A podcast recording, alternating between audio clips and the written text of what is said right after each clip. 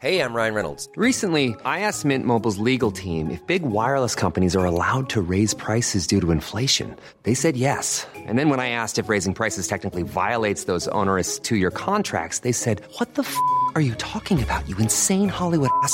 So to recap, we're cutting the price of Mint Unlimited from $30 a month to just $15 a month. Give it a try at mintmobile.com slash switch. $45 upfront for three months plus taxes and fees. Promo rate for new customers for limited time. Unlimited more than 40 gigabytes per month. Slows. Full terms at mintmobile.com. Hiring for your small business? If you're not looking for professionals on LinkedIn, you're looking in the wrong place. That's like looking for your car keys in a fish tank. LinkedIn helps you hire professionals you can't find anywhere else, even those who aren't actively searching for a new job but might be open to the perfect role. In a given month, over 70% of LinkedIn users don't even visit other leading job sites. So start looking in the right place. With LinkedIn, you can hire professionals like a professional. Post your free job on linkedin.com slash people today. Hey there, it's Michelle Norris. I'm host of a podcast called Your Mama's Kitchen. When I travel, I'm usually looking for a way to find a taste of home when I'm not at home. And one of the things I love to do when I am at home is entertain. And Airbnb allows me to do that. When I was in California recently, I rented a house that had a great kitchen. And when we were sitting around the table, we were all thinking, we're in someone else's house. Someone could be in all of our homes as well. If you have a home, but you're not always at home, you have an Airbnb. Your home might be worth more than you think. Find out how much at airbnb.com/slash host.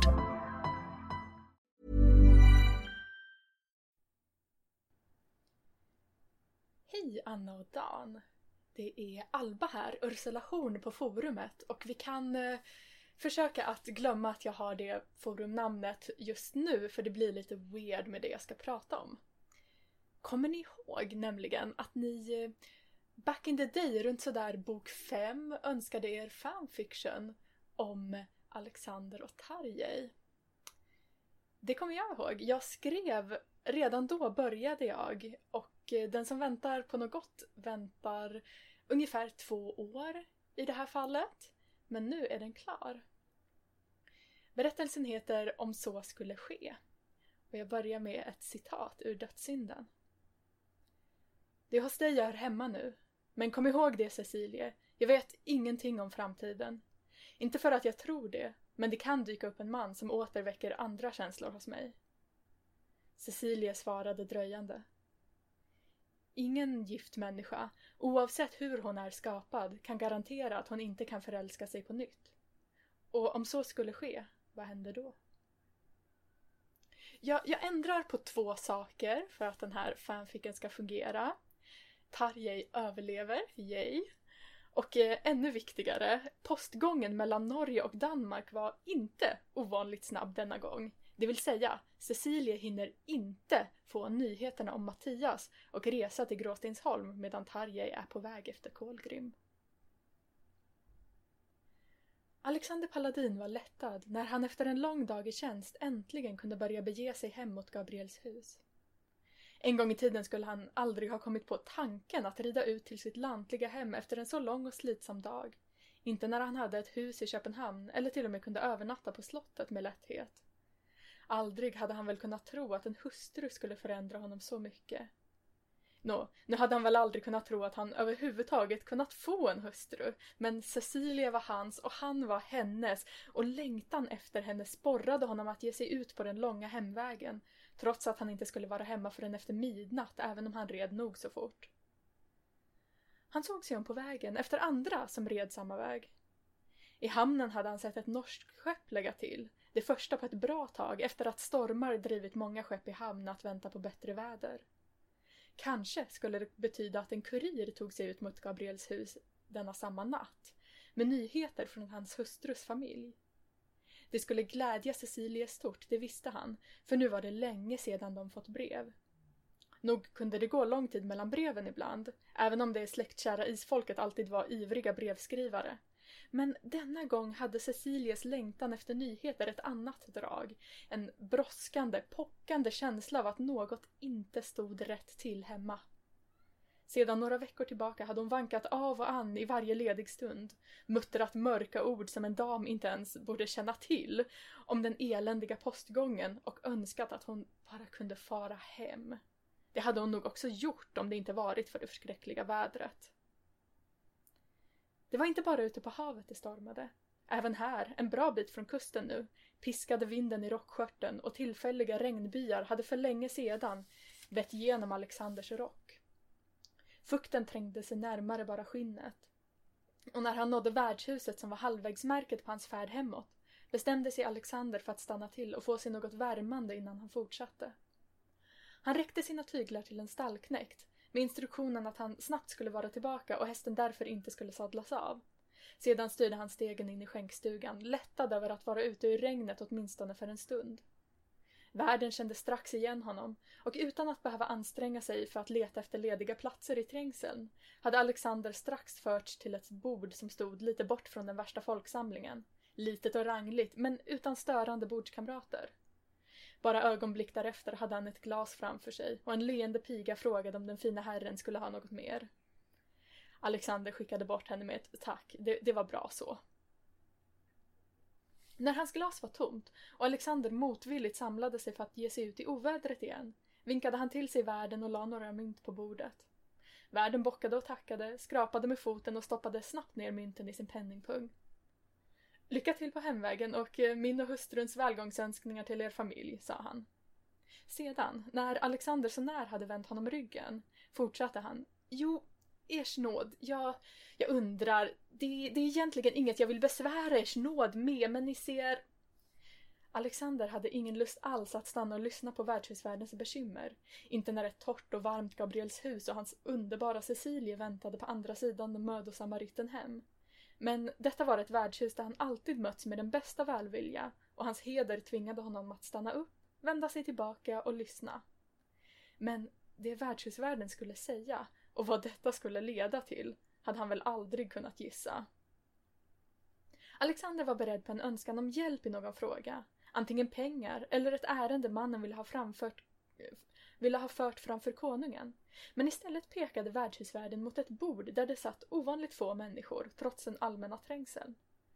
Anledningen till detta verkade vara mannen som satt ihopsjunken så djupt att hans lugg sopade bordsskivan. Stupfull, tänkte Alexander genast. Men det var något som inte stämde. En känsla, en aura runt mannen. Sjukdom och sorg stod att läsa i varenda linje i hans hållning. Den är mannen här i kurir, tror jag, även om han inte riktigt ser sån ut, sade värdshusvärden. Alexander nickade och väntade på vad han skulle säga härnäst innan han själv gav något utlåtande. Han... Eh, han är på väg till Gabriels hus, förstår ni. Och jag tänkte som så att har han något meddelande till ers nåd och ers nåds hu- eller ers nåds hushåll så lär ni inte få det ikväll i det skick han är i nu. Så om ers nåd behagar Värdshusvärden slog ut med händerna i en gest som tydligt skulle säga att markgreve Paladin fick göra med detta som han ville. Om han ville avkräva kuriren ett eventuellt brev eller på något sätt ta mer ansvar för mannen. Alexander nickade kort. Gott, tack för upplysningen. Jag säger till om jag behöver någon hjälp. Han gick fram mot främlingen. Dennes mörka hår var lätt krusat vid tinningarna av den fuktiga luften. Han reagerade inte när Alexander harklade sig för att påkalla uppmärksamhet. Först när Alexander la en hand på hans axel ryckte han till och rätade mödosamt på sig. Alexander ryckte till lika häftigt som främlingen nyss när han fick se mannens ansikte. Det var tärt och märkt av en oändlig trötthet, ögonen feberblanka och huden blek som aska, men det var ändock så välbekant. Dragen, som en gång påminde honom så mycket om Cecilie, som fortfarande gjorde det. Den främmande kuriren var Tarjei Lind av isfolket. Men käre pojke, utbrast Alexander. Vad i hela friden gör du här? Tarjei såg på honom med ofokuserade ögon. Han verkade känna igen Alexander lite grann, men inte kunna placera honom. Alexander bestämde sig för att förklaringen gott kunde få vänta. Han ropade till sig en av pigorna och strax var en stallpojke på väg mot Gabriels hus för att lämna bud om vad som hänt och komma tillbaka med en vagn, för inte kunde Tarjei rida vidare i det här skicket. Under tiden lades Tarjei på en bänk och hans blöta rock byttes mot en varm filt. Lite brännvin lyckades Alex Alexander också få i honom för att jaga kölden på flykten. Nå, detta skulle bli en överraskning för Cecilie, som så länge väntat på bud hemifrån. Världen krängde fram och tillbaka, ständigt detta gungande. Hur länge hade skeppet varit på väg? Han hade trott att han var framme i Köpenhamn, att han till och med landstigit och börjat färdas vidare på land. Men det hade alltså bara varit en dröm. Stormen hörde han fortfarande och vågorna som gick genom hela kroppen gjorde att han inte ens behövde öppna ögonen för att veta att han låg i sin koj på den eländiga skutan. När hade han sist ätit? Han visste att han behövde vakna, skaka av sig sömnen och få sig något i magen. Det var bara så alltför mödosamt. Men hans mun smakade fortfarande av något. Brännvin? Jo, nu mindes han den varma känslan i halsen. Någon måste ha bjudit honom en sup. Kanske kunde den ha givit honom styrka nog för att ta sig upp. Tarjei försökte sätta sig upp, men den ansträngningen var honom för mycket. Han lyckades bara röra svagt på huvudet. Men dimman höll ändå på att klarna en aning. Och det var något som inte stämde. Vad var det som fick honom att undra var han egentligen befann sig? Visst gungade det som på havet, eller gjorde det verkligen det? Var inte detta en ryckigare, skumpigare färd? Och hade han inte landstigit ändå? Och lukten omkring honom, det var inte längre kära, havsdoft, salt och förruttnelsen under däck som trängde igenom hans töckniga medvetande. Detta var en helt annan lukt. Värme, läder, vägdamm och blött ylle. Med en, kraftansträng... med en kraftansträngning öppnade Tarjei ögonen. Jag... Jag måste till Gabriels hus, fick han fram. Någon skrattade, lågt och varmt. Det var ju bra, för det är just dit vi är på väg. Vi är snart framme. Nu lyckades Tarjei fokusera ögonen så pass att han kände igen mannen som satt på vagnsätet mittemot. Alexander? Det stämmer, log Alexander. Och Cecilie väntar oss med ett rum i ordning ställt åt dig. Du var oväntad, men så otroligt välkommen ska du vara. Jag ser att du har haft en svår resa. Den måste du berätta om, men inte förrän du har vilat ut ordentligt. Min... Min häst! Jag hade... Och min packning! Jag får inte mista... De ska du inte oroa dig för. Hästen har det så gott på värdshuset och ska tillbaka till sitt hyrstall i Köpenhamn imorgon. Och alla dina tillhörigheter står ju här på vagnsgolvet. Allt är ordnat med. Han böjde sig fram och kramade om Tarjeis axel. Känslan av brådska, att han måste vidare, började smälta bort inför Alexanders varma lugn. Inte långt därefter knastrade det under vagnshjulen när de körde in på Gabriels hus gårdsplan. Alexander stödde Tarjei ut ur vagnen och uppför trappan. Cecilie, som startat fram för att ge sin kusin en innerlig kram, hejdade sig när hon såg hans tillstånd. Käre värld, Tarjei, vad sjutton har hänt dig? Alexander, vad... Det kanske vi kan ta senare, föreslog Alexander med ett litet leende. Tillsammans fick de Tarjei till ett gästrum där en brasa dånade i den öppna spisen och ner under filtarna. Men då sov Tarjei redan djupt och denna gång var det inte en utmattningens halvt medvetslösa sömn utan en djup och läkande vila. If you thought the only way to get a more defined jawline with natural-looking results was through surgery, think again. Juvederm Volux XC is a non-surgical injectable gel filler that improves moderate to severe loss of jawline definition and can help you achieve natural-looking results with little downtime. Even better, this improved definition lasts up to one year with optimal treatment. No maintenance required. Improve jawline definition for a smooth, sculpted look with Juvederm Volux XC. For important safety information and to find a licensed specialist, visit juvederm.com. That's J U V E D E R M.com. Not for people with severe allergic reactions, allergies to lidocaine, or the proteins used in Juvederm. Common side effects include injection site redness, swelling, pain, tenderness, firmness, lumps, bumps, bruising, discoloration, or itching. There's a risk of unintentional injection into a blood vessel, which can cause vision abnormalities, blindness, stroke, temporary scabs, or scarring. Talk to a licensed specialist to find out if it's right for you. Hi, I'm Daniel, founder of Pretty Litter. Cats and cat owners deserve better than any old fashioned litter. That's why I teamed up with scientists and veterinarians to create Pretty Litter. Its innovative crystal formula has superior odor control and weighs up to 80% less than clay litter. Pretty Litter even monitors health by changing colors to help detect early signs of potential illness. It's the world's smartest kitty litter. Go to prettylitter.com and use code ACAST for 20% off your first order and a free cat toy. Terms and conditions apply. See site for details. Millions of people have lost weight with personalized plans from Noom, like Evan, who can't stand salads and still lost 50 pounds. Salads, generally, for most people, are the easy button, right? For me, that wasn't an option. I never really was a salad guy. That's just not who I am. But Noom worked for me. Get your personalized plan today at Noom.com. Real Noom user compensated to provide their story. In four weeks, the typical Noom user can expect to lose one to two pounds per week. Individual results may vary.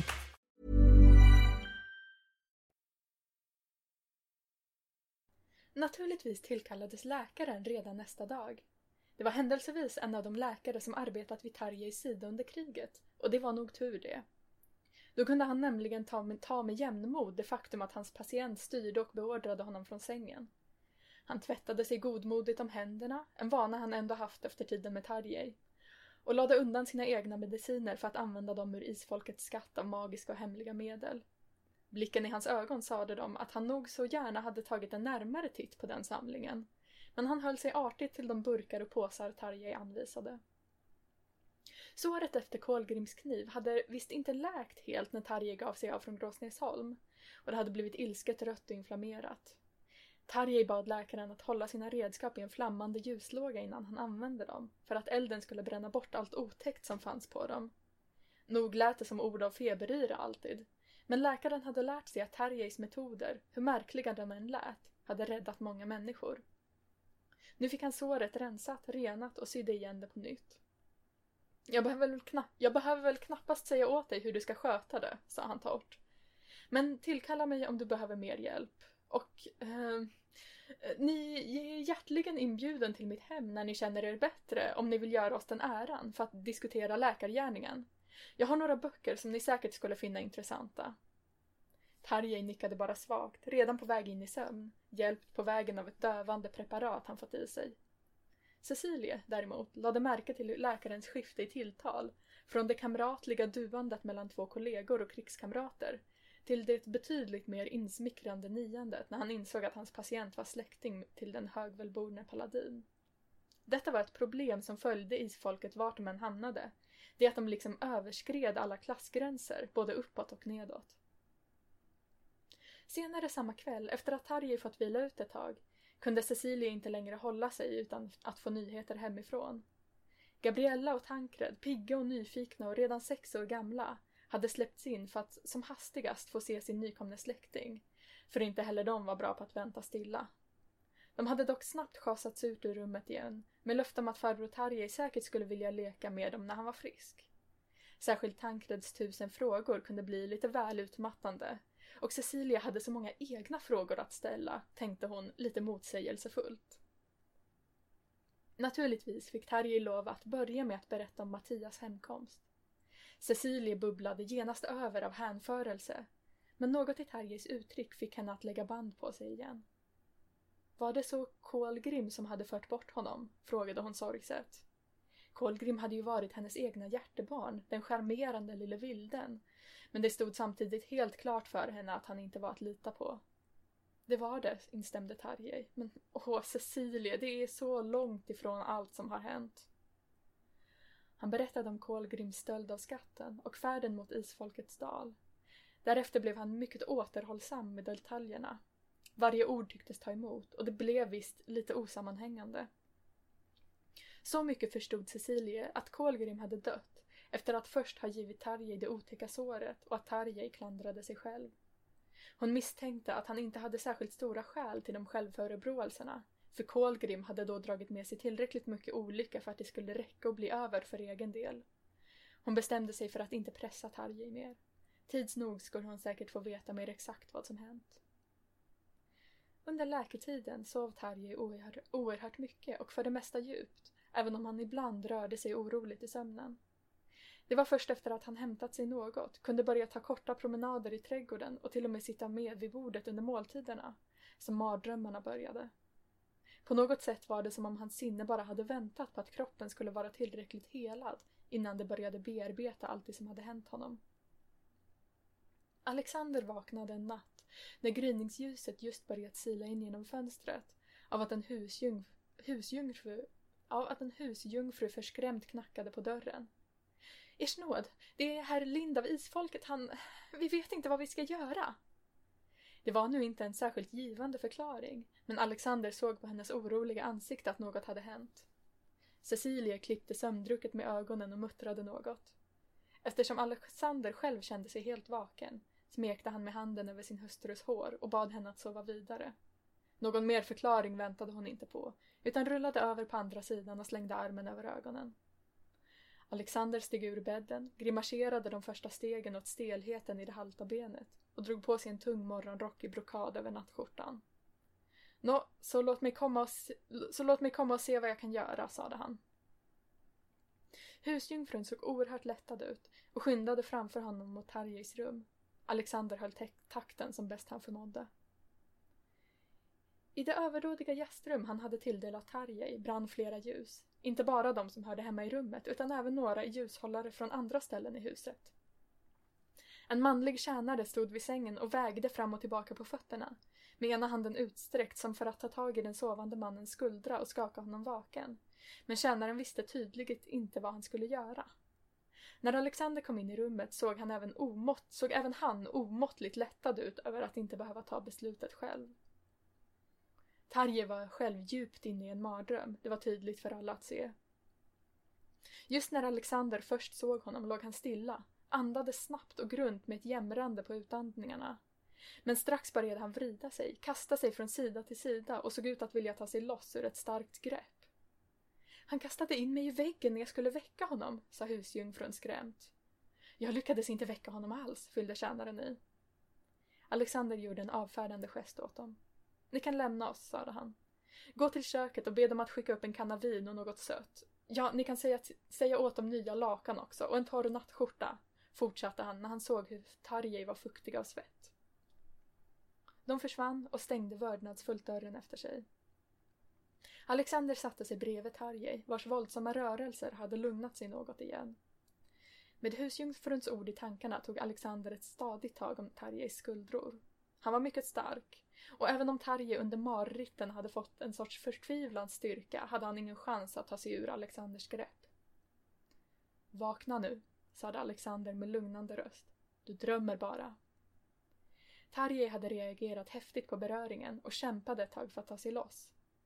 Det är bara jag, Alexander, Cecilies man. Vad du än drömmer så är det inte verkligt. Du är trygg här. Något i hans hypnotiskt lugna röst tycktes tränga igenom Tarjeis sårade medvetande. Hans rörelser avtog långsamt och andetagen blev något djupare. Hans hand for upp och grep om Alexanders, men inte för att stöta bort den. Istället kramade han om den så hårt att hans egna knogar vitnade och det värkte i Alexanders, Alexanders fingrar. Försiktigt lossade han på Tarjeis kramptag, allt medan Tarjei vaknade.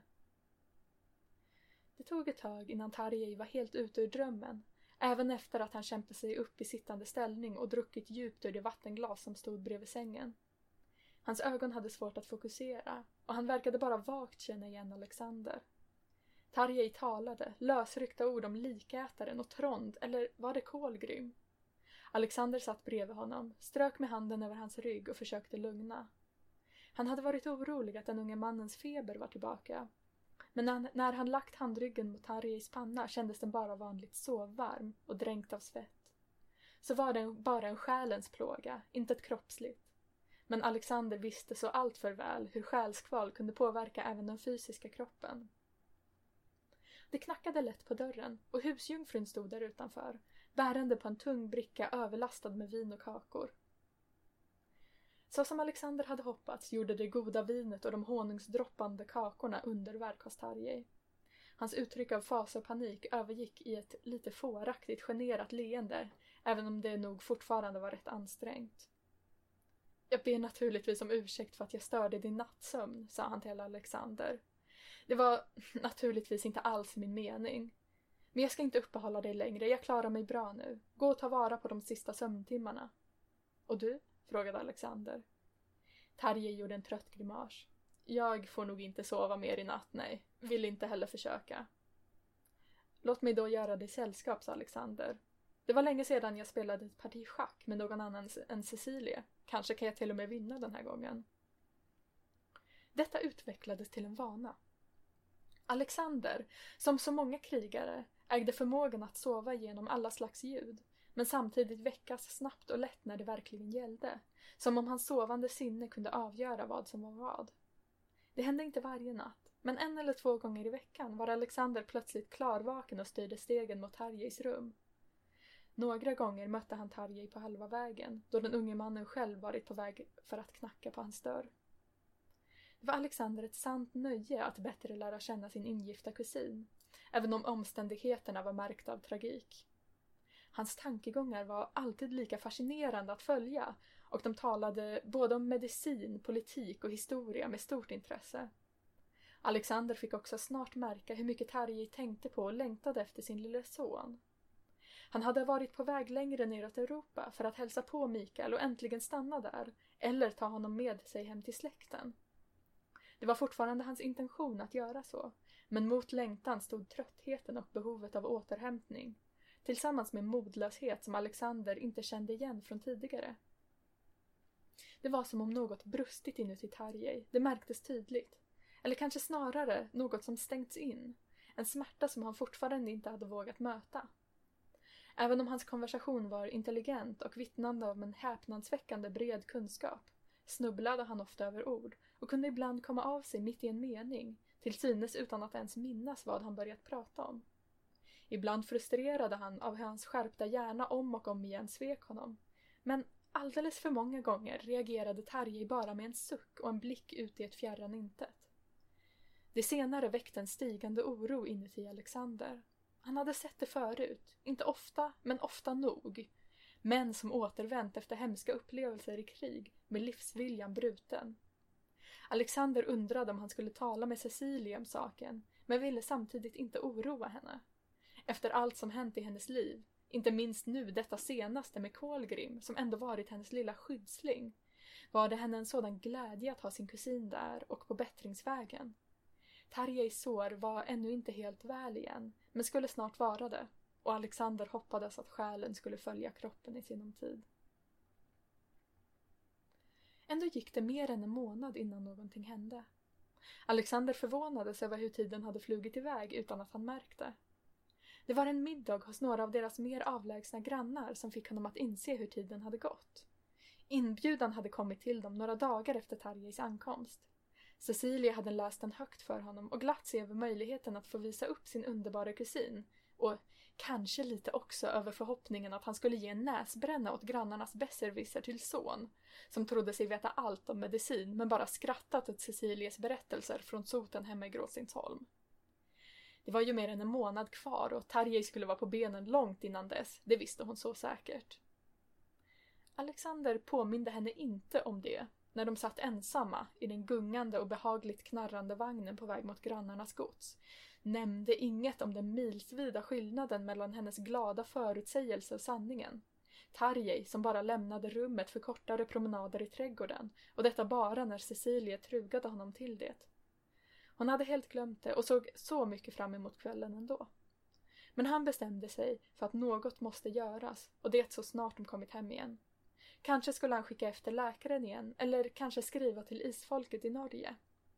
Även om det var den läkekunnige själv som nu var sjuk hade han stor respekt för deras visdom i alla frågor och särskilt sådana som denna. Och nog skulle han bli tvungen att tala med Cecilia också, bara inte denna kväll. Alexander och Cecilie blev kvar som nattgäster på grannarnas gods. Det var inte oväntat, det hände ofta när de var bortbjudna till senare middagar. Några som visste att utnyttja det var tvillingarna Tankred och Gabriella. Särskilt Tankred njöt av friheten att kunna hitta på hyss och äventyr utan att mor Cecilie, som han var övertygad om hade en magiskt synsk kraft riktad mot just honom, kom på honom och gav honom bannor. Denna morgon hade han bestämt sig för att ta ut en av hästarna och rida. Gabriella följde honom ner till stallet. Till henne hade han bara sagt att han ville hälsa på hästarna. Hon ville inte leka ensam och han visste att om han berättade sina planer för henne skulle hon genast springa och skvallra. Nu var Gabriella på väg in mot det hörn av stallet där hon visste att en av stallkatterna hade en hel kull med kattungar. Bra, tänkte Tankred, så var hon både upptagen och glad.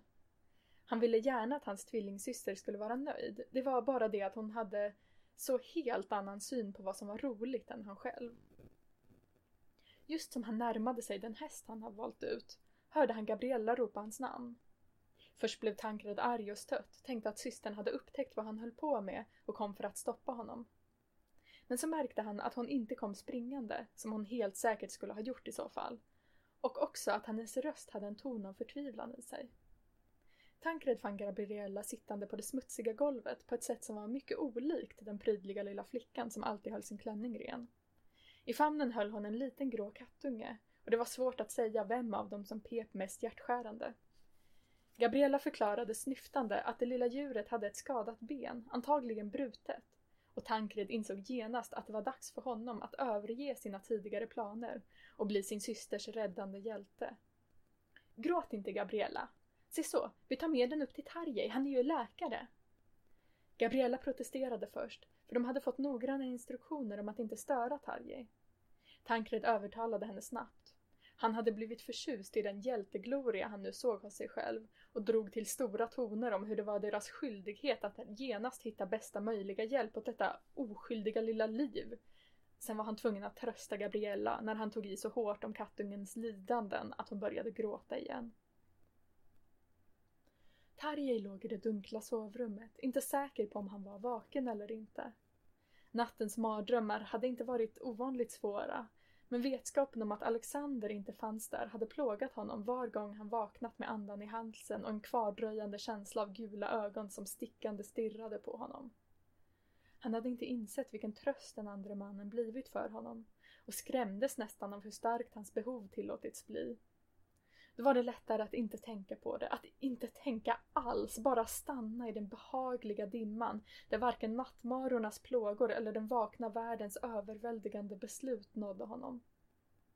Plötsligt hörde han barnaröster utanför dörren. Är du säker på att vi får gå in? Mor har sagt att vi inte får störa, vet du. Det var en flickröst och Tarjei skämdes över hur lång tid det tog för honom att förstå att den tillhörde Gabriella.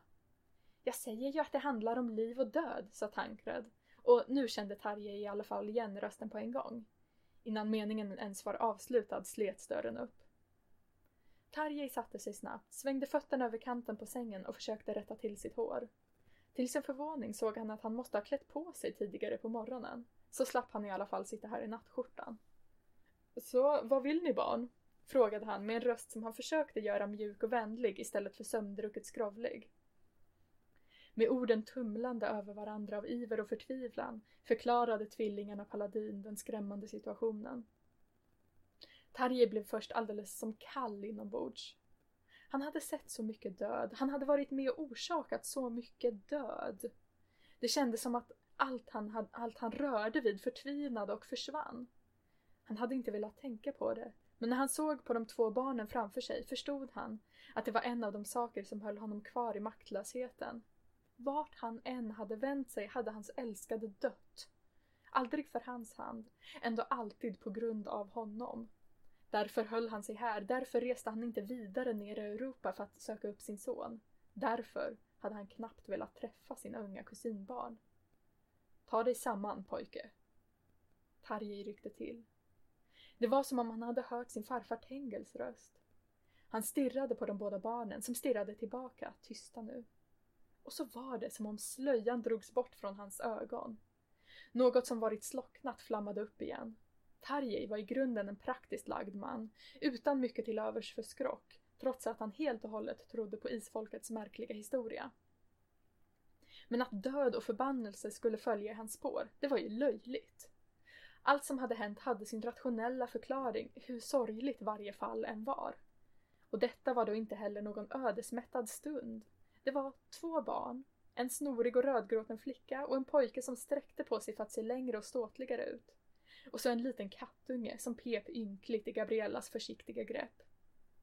Tarje skakade på huvudet och reste sig. Hans ben var darriga. Hur kunde han låtit sig själv bli så här svag? Men han tog sig med bestämda steg bort till fönstret, där han drog ifrån gardinerna. Han drog bort den ena duken från bordet som stod där framför och la istället dit ett rent lakan. Nu lägger du patienten här, Gabriella, så går du... Nu lägger du patienten här, Gabriella, och så går du tankrädd och häller upp en skål vatten åt mig så jag får tvätta händerna. Jag tror då inte att jag behöver isfolkets läkemedel till en sån här liten stackare, men jag ska ta fram min läkarlåda för säkerhets skull. Han la om det brutna benet och spjälade det försiktigt. Vissa skulle kanske ha sagt att det var slöseri med hans färdigheter, att använda dem på en liten kattunge, sådana som det gick tretton på dussinet av i varje stall landet över. Men isfolket hade alltid haft en förkärlek till djur. Därtill var proceduren nyttig för Tarjei på två sätt. Efter mer än en månad av maktlöst förtvinande var det gott för honom att få använda sina händer igen. Att göra något gott för en annan varelse, om det så bara var en liten katt. Och efter alla fasor han sett i krigssjukhuset var det en välkommen omväxling att dramat inte var värre än ett skadat djur och att se den lilla flickans strålande ögon istället för krigarnas plågade ansikten. För ett ögonblick tänkte Tarjei på Cornelia. Men minnet smärtade inte lika mycket som det en gång gjort. När barnen hade gått, med order att hålla katten från stallet så att den inte hamnade under hästarnas hovar igen, var Tarjei fortfarande fylld av en intensiv energi. Han förde inte död med sig. Den lilla katten var i högsta grad levande. Han var säker på att den skulle klara sig bra. Gabriella hade lyssnat med barnsligt allvar till alla hans instruktioner om hur den skulle skötas. Nu behövde Tarjei ta sig ur denna dimma han tillåtit sig själv att sjunka ner i. Han behövde göra något. Och han visste precis vad det var. Cecilie och Alexander kom hem mitt på dagen och möttes på gårdsplanen av en orolig Wilhelmsen. Herr Lind av isfolket, började han och han inte längre innan Cecilia avbröt honom. Är han sämre? Och Alexander, vi borde kanske inte ha åkt. Wilhelmsen harklade sig. Inte sämre, inte direkt, snarare bättre skulle man väl kunna säga. Men han... Han packar för att ge sig av. Flera olika känslor drog förbi över Cecilias ansikte. Hon såg först förvirrad ut, sedan sårad, sedan bestämd. Det var det dummaste jag har hört, sa hon. Är han i sitt rum? Bra. Hon marscherade iväg och stampade upp för trapporna så snabbt att Alexander inte ens försökte följa i hennes takt. Det fina, rymliga rum som de upplåtit i Tarjei var ljusare än det varit på en hel månad, tänkte Cecilia när hon kom fram till den öppna dörren. Det var nu också det enda goda som kunde sägas om det. En orkan hade dragit fram mellan de tunga vackra möblerna och slitit med sig kläder och papper. Mitt i stormens öga satt Tarjei på golvet bredvid en halvfull resekista. Är du alldeles från vettet? frågade Cecilia, som aldrig varit någon för finkänslighet när hon var upprörd. Tarjei nickade lugnt. Jag trodde att jag äntligen återfått förståndet, sa han med tonlös röst. Men det visar sig visst att jag bara förlorat det på ett nytt sätt. Så vad har hänt? Cecilia tog ett steg fram, men stannade. Tarjei såg så alltför stel ut, som om minsta påverkan skulle få hans självbehärskning att rämna. Jag insåg att det var hög tid att jag gav mig av för att se min son igen. Jag tänkte att det var bäst att göra det nu på en gång, innan jag sjönk tillbaka i den fördömda skuggvärld jag befunnit mig i. Nej, Cecilia, se inte på mig med den där blicken. Naturligtvis tänkte jag ta farväl av dig först, och Alexander. Men jag är nu visst värre däran än jag tänkte. Jag har låtit min kropp förfalla och alldeles nyss började såret som borde ha varit läkt att smärta igen. Därtill kan jag knappt stå på benen. Vad är det för vrak till far min lille Mikael har? Han skrattade till. Cecilia tyckte inte om tonen i det skrattet. Hon tog fasta på det enda som lät gott i sin kusins ord. Du längtar efter din son? Mer än jag kan säga. Så fort jag är kry nog ska jag ge mig dit, även om tanken på att vara så långt från resten av isfolket gör mer ont än jag var beredd på. Och även om jag fruktar att det kan ta några veckor innan jag vågar resa. Du ska inte lämna isfolket, sade Alexanders röst bakom Cecilias axel. Du ska stanna på Gabriels hus, i alla fall ännu en tid. Jag... Så kan du inte säga, ropade Cecilie och lät oron över Tarjei komma fram i ilska mot sin man. Om du förstod vad isfolkets släktkärlek betyder, du borde istället gå och ge order om att ställa i ordning en vagn. Det är klart att Tarjei ska träffa sin Mikael så snart som möjligt. Men det ska han också, sa Alexander med lugn röst. Cecilia, kära du, stilla dig lite och läs det här. Jag har inte velat säga något förrän jag fått svar. Men jag skrev till Mikaels fosterföräldrar samma vecka som Tarjei först kom hit. Jag ville bara berätta för dem om hur saker stod till och få nyheter från dem. Senare kunde jag ordna mig en resa. Men de förekom mig. Det skulle ta dem några veckor för dem att göra sig i ordning, skrev de. Men den här månaden eller nästa kommer de att vara på väg till Gabriels hus för att se vad det är för familj de har knutit sig till. Menar du att? började Cecilie. Mikael kommer hit, instämde Alexander.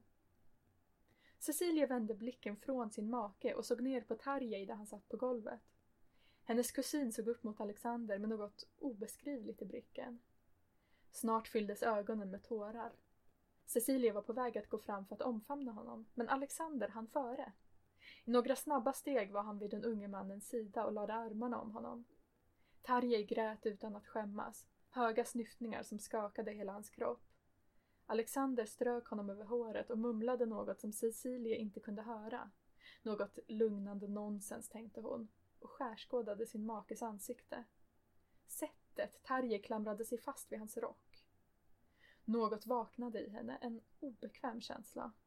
En aning om något som de två männen på golvet antagligen inte ens förstått själva. Eftertanksamt lämnade hon rummet.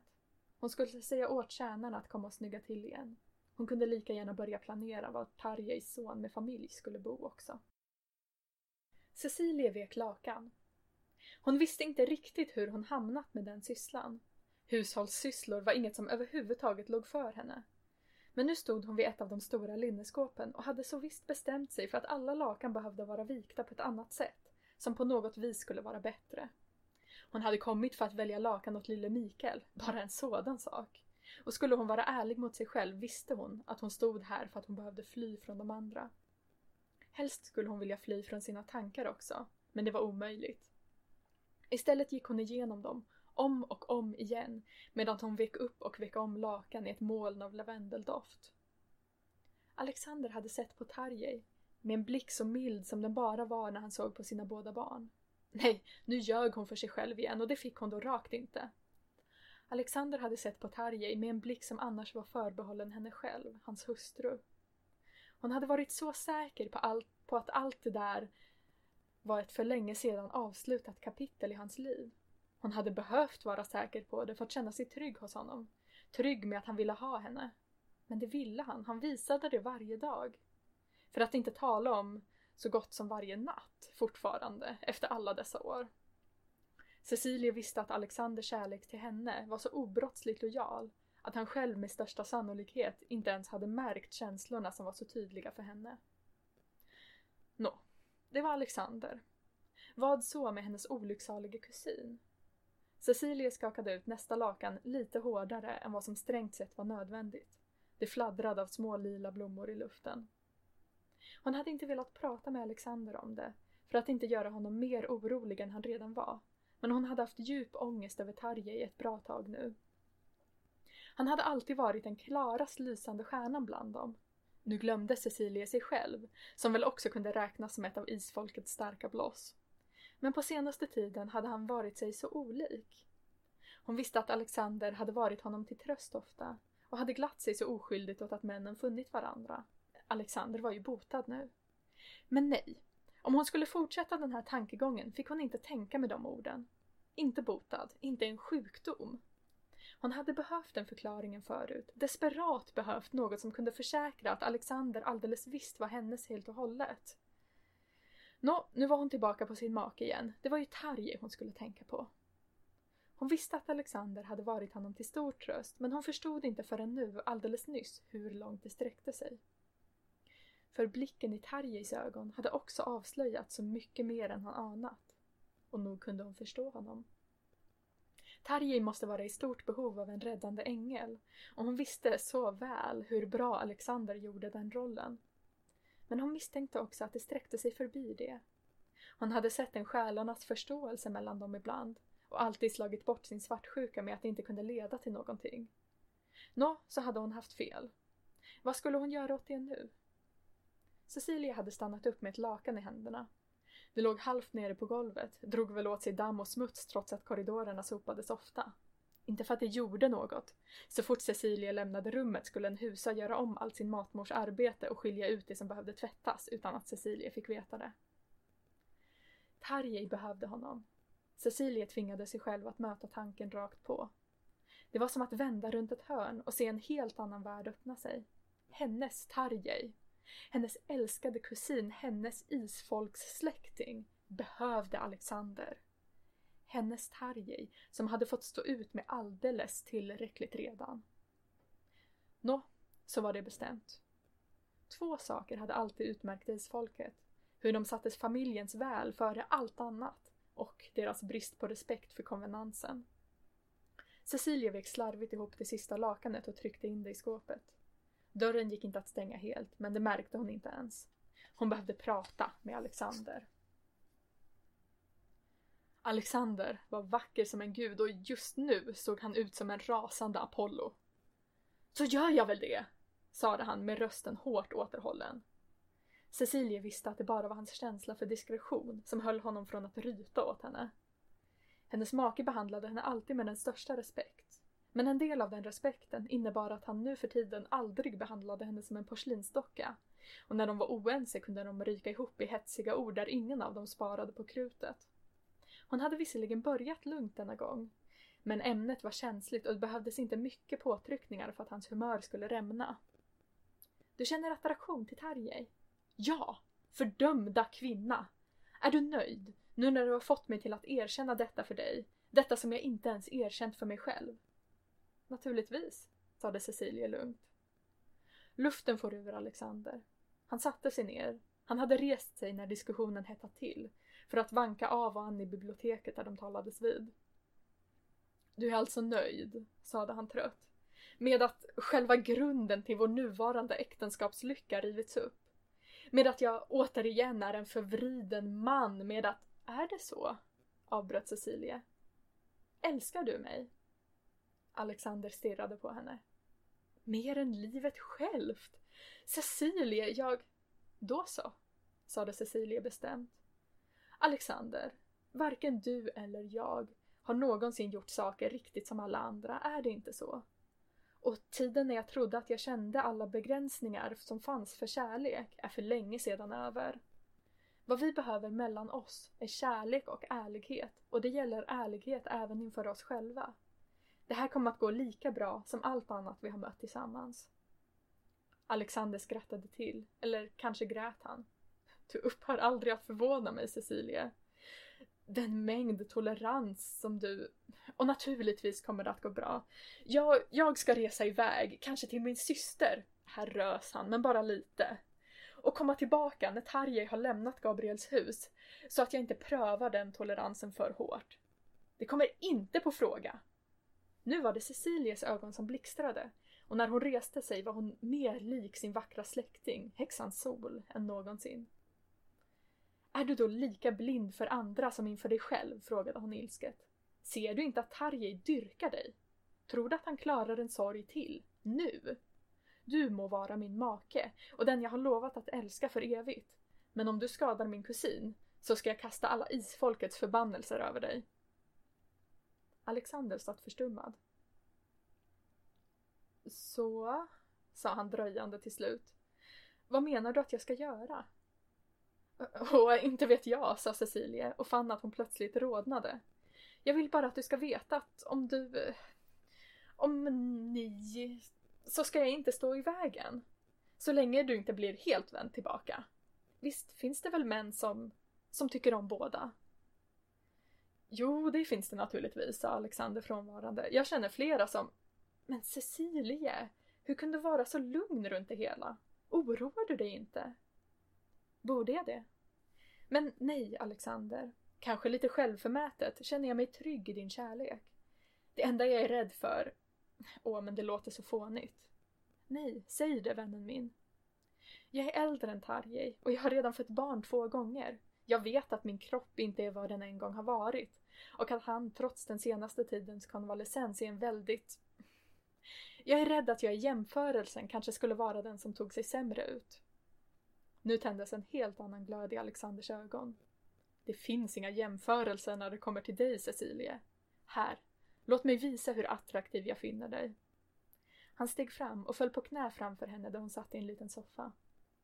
Ena handens fingrar lät han leka över hennes dekolletage, lät dem glida ner mellan tyg och hud för att röra vid hennes bröstvårtor som snabbt styvnade. Med andra handen började han lossa livstycket i ryggen. Alexander, här inne! Det var du själv som sade till tjänarna att ingen fick störa oss, svarade Alexander. Låt oss utnyttja det. Eller känner du att du är för gammal för sådana ungdomliga frivoliteter? Han kunde inte låta bli att reta henne. Cecilias häftiga inandning av upprördhet fick livstycket att lossna helt efter Alexanders arbete med snörningen. Hennes bröst avtecknade sig mot underklänningens tunna tyg. Visst var de inte lika fasta och höga som de en gång varit, men Alexander kunde inte se några fel hos henne. Han böjde sig framåt och lät munnen följa där fingrarna just vandrat, bet och nafsade försiktigt och fick henne att flämta av välbehag.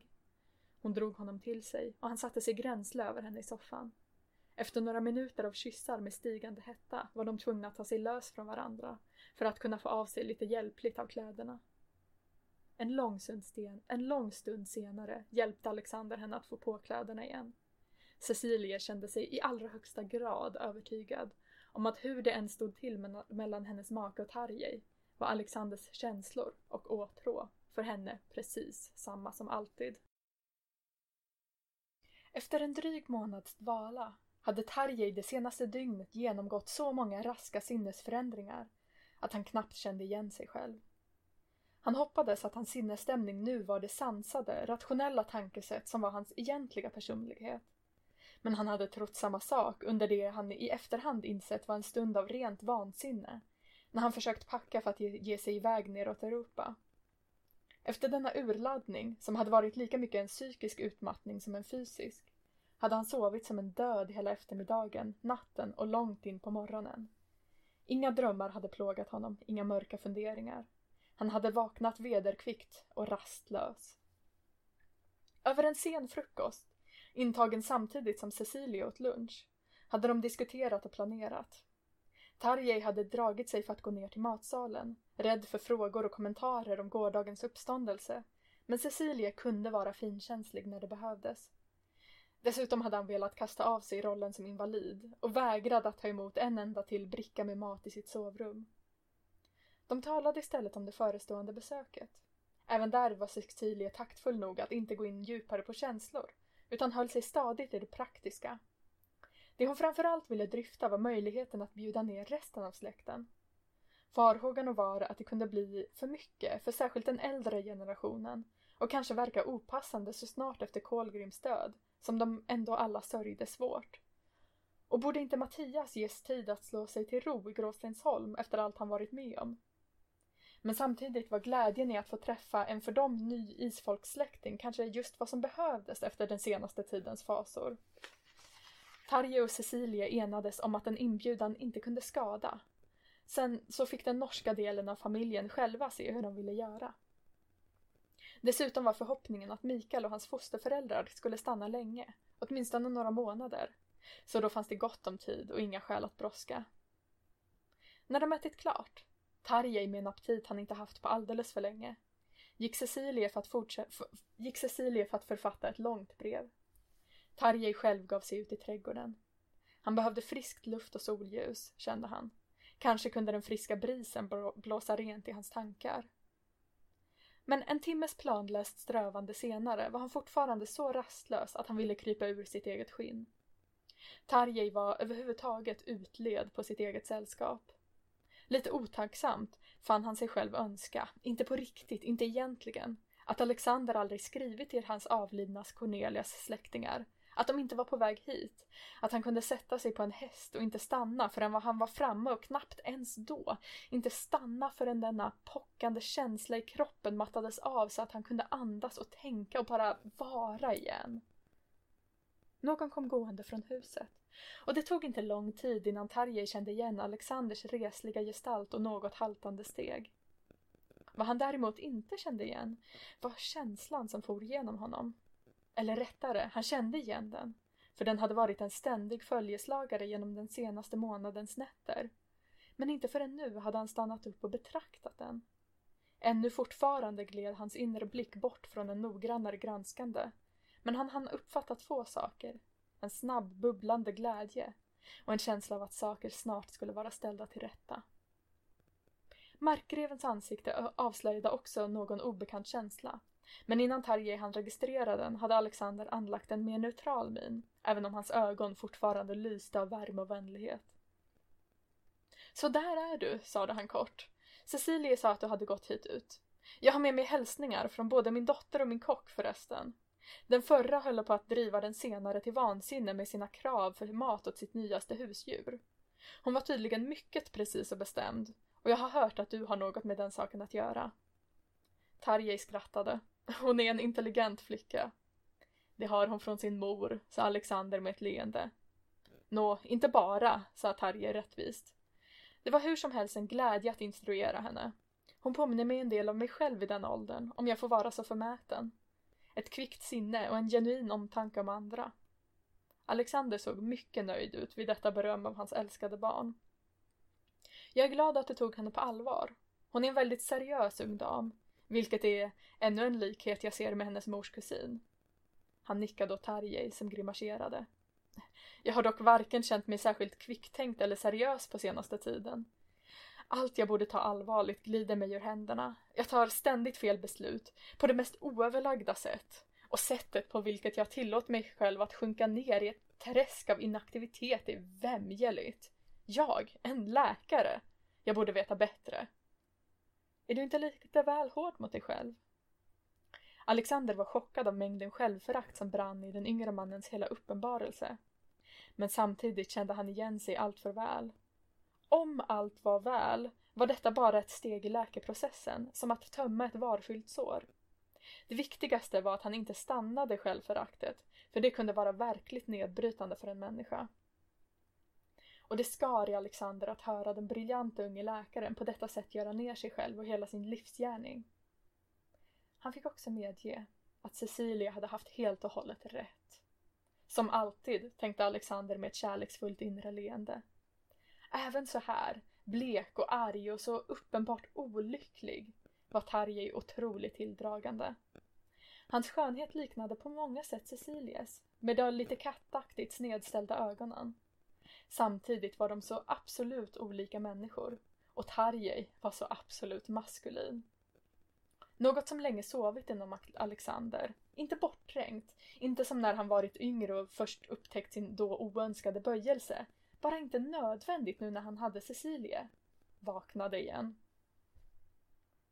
När Tarjes uppräkning av självförebråelser började inbegripa honom själv och Cecilie stod Alexander inte ut längre. Tarjei hävdade att han inte var värdig deras vänskap eller gästfrihet med en ton som tydligt visade att han i alla fall i stunden trodde på det själv. Samtidigt var det ett så, sådant otroligt hjälpsökande i hans ögon. Som om han bad Alexander att säga emot, att stoppa honom. Och det var precis vad Alexander gjorde. Det var inte så här han hade tänkt närma sig ämnet.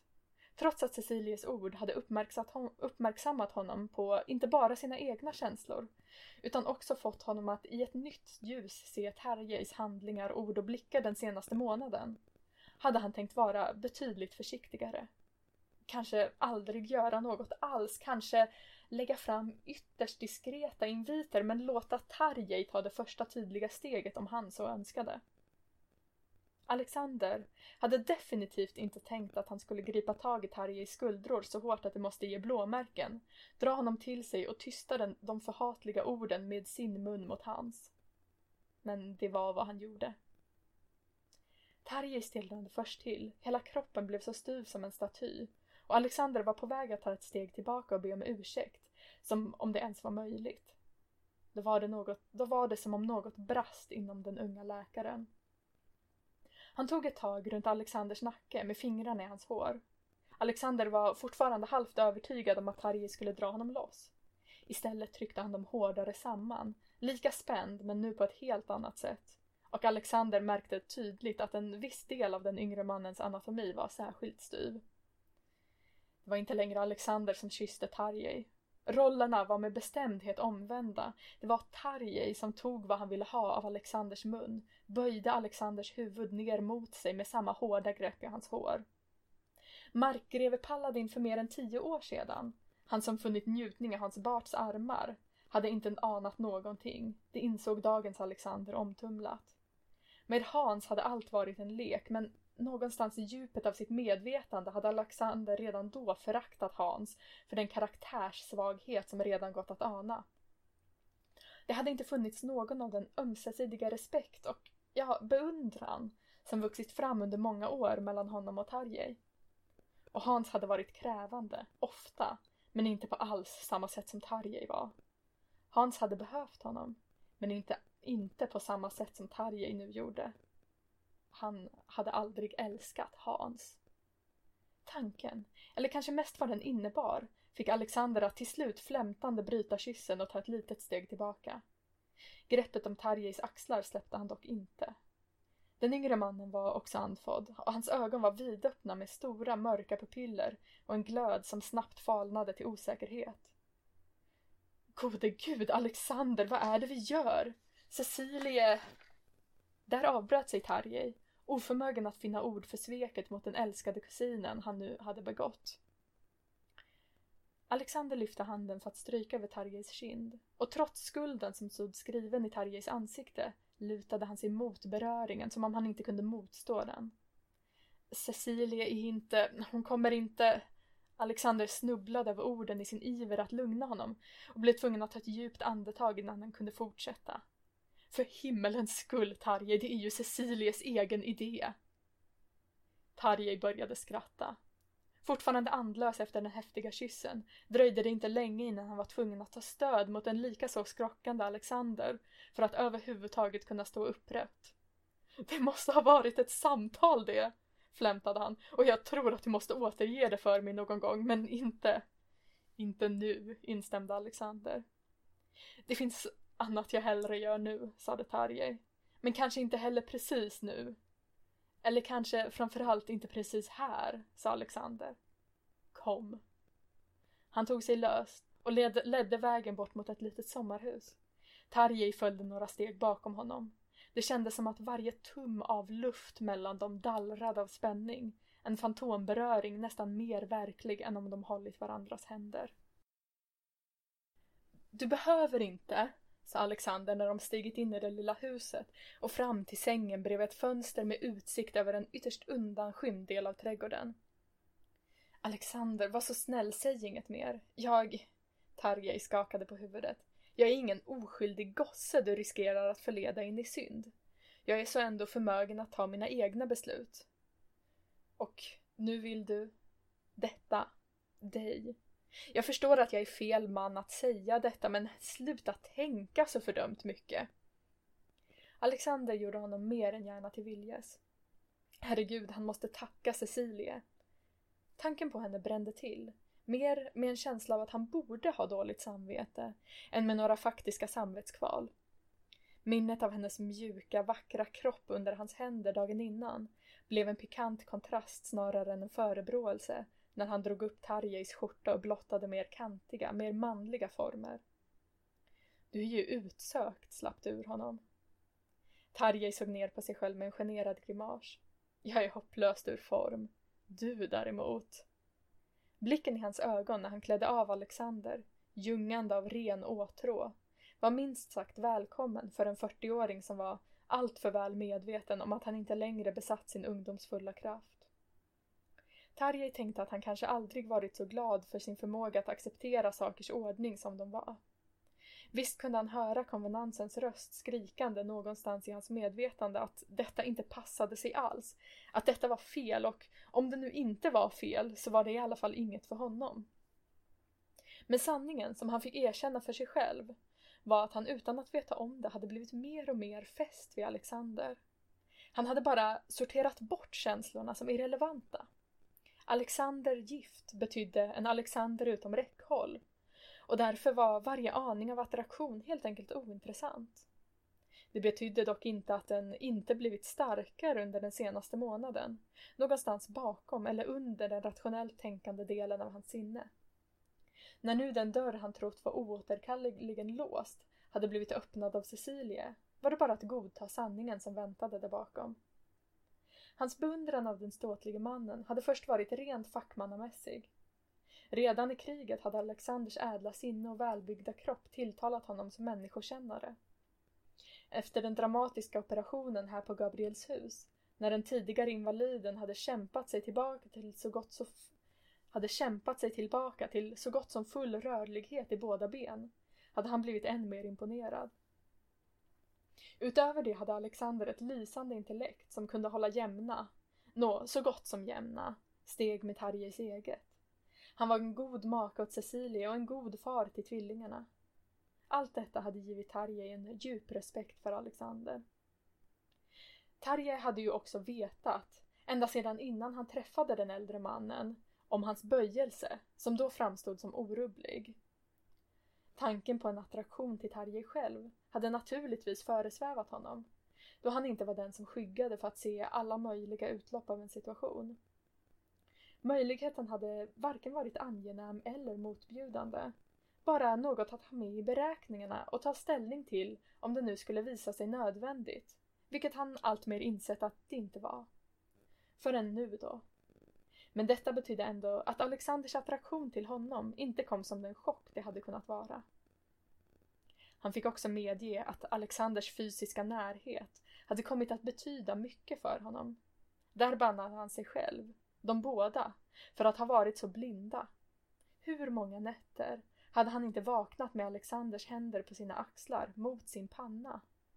En handfull gånger hade han till och med somnat igen, lutad mot Alexanders skuldra, bara halvt medveten om hur den andra mannen hjälpte honom att lägga sig och bredde filten över honom. Han hade vant sig vid Alexanders kropp nära sin egen och associationerna var alltid starkt positiva. Sett med klar rationalitet var steget över till sexuell attraktion mycket litet och Tarjei var inte heller förvånad att hans egen läggning var mindre beroende av hur saker förväntades vara, mer avhängig av den faktiska situationen. Det var dock svårt att tänka rationellt alls när Alexander styrde dem mot sängen och med starka armar hjälpte honom att lägga sig på rygg medan den äldre mannen själv låg halvt över honom, halvt upprest stödd på ena armen. Situationen var både lik så många tidigare och så olik att den gjorde Tarjei yr. När Alexander kysste honom, först på munnen och sedan vidare över käkbenet och ner längs nacken, blundade Tarjei och för ett ögonblick kändes det som om han föll svindlande snabbt. Alexander såg hur Tarjei slöt ögonen och hur hans händer, som smekte över Alexanders armar och rygg, föll ner till sängen. Han misstog det inte för brist på intresse eller för motvilja inför det som skedde, utan såg att den yngre mannen var på gränsen för vad han klarade att hantera. Han hade dock varit konvalescent i en dryg månad och allt det här var helt nya händelser för honom. Bäst att ta kärleksstunden till ett snabbt slut. Kanske, även om Alexander knappt vågade tänka så långt, kunde de göra mer senare. Han lät sin hand fortsätta ner över Tarjeis bröst och mage, njöt av den häftiga inandning det frambringade när han smekte över det lockiga håret där nere och snuddade vid Tarjeis mandom. Sedan tog han ett fast grepp om den och började röra handen fram och tillbaka, allt medan han fortsatte kyssa Tarjeis ansikte, hals, hår. Som han anat tog det inte lång tid innan Tarjei nådde ett flämtande, stönande klimax. Efter det låg han som död, skälvande i hela kroppen. Alexander betraktade honom ett tag, överväldigad av den blandning av varma känslor som fyllde honom. Sedan tog han raskt hand om sig själv och torkade av dem båda med ett hörn av lakanet. Tarjei kom långsamt till sans igen. Han såg mot Alexander med beslöjad blick. Munnen var halvöppen och verkade forma ord, men det tog ett tag innan han fick faktiskt ljud ur sig. Alexander, Gode gud, jag...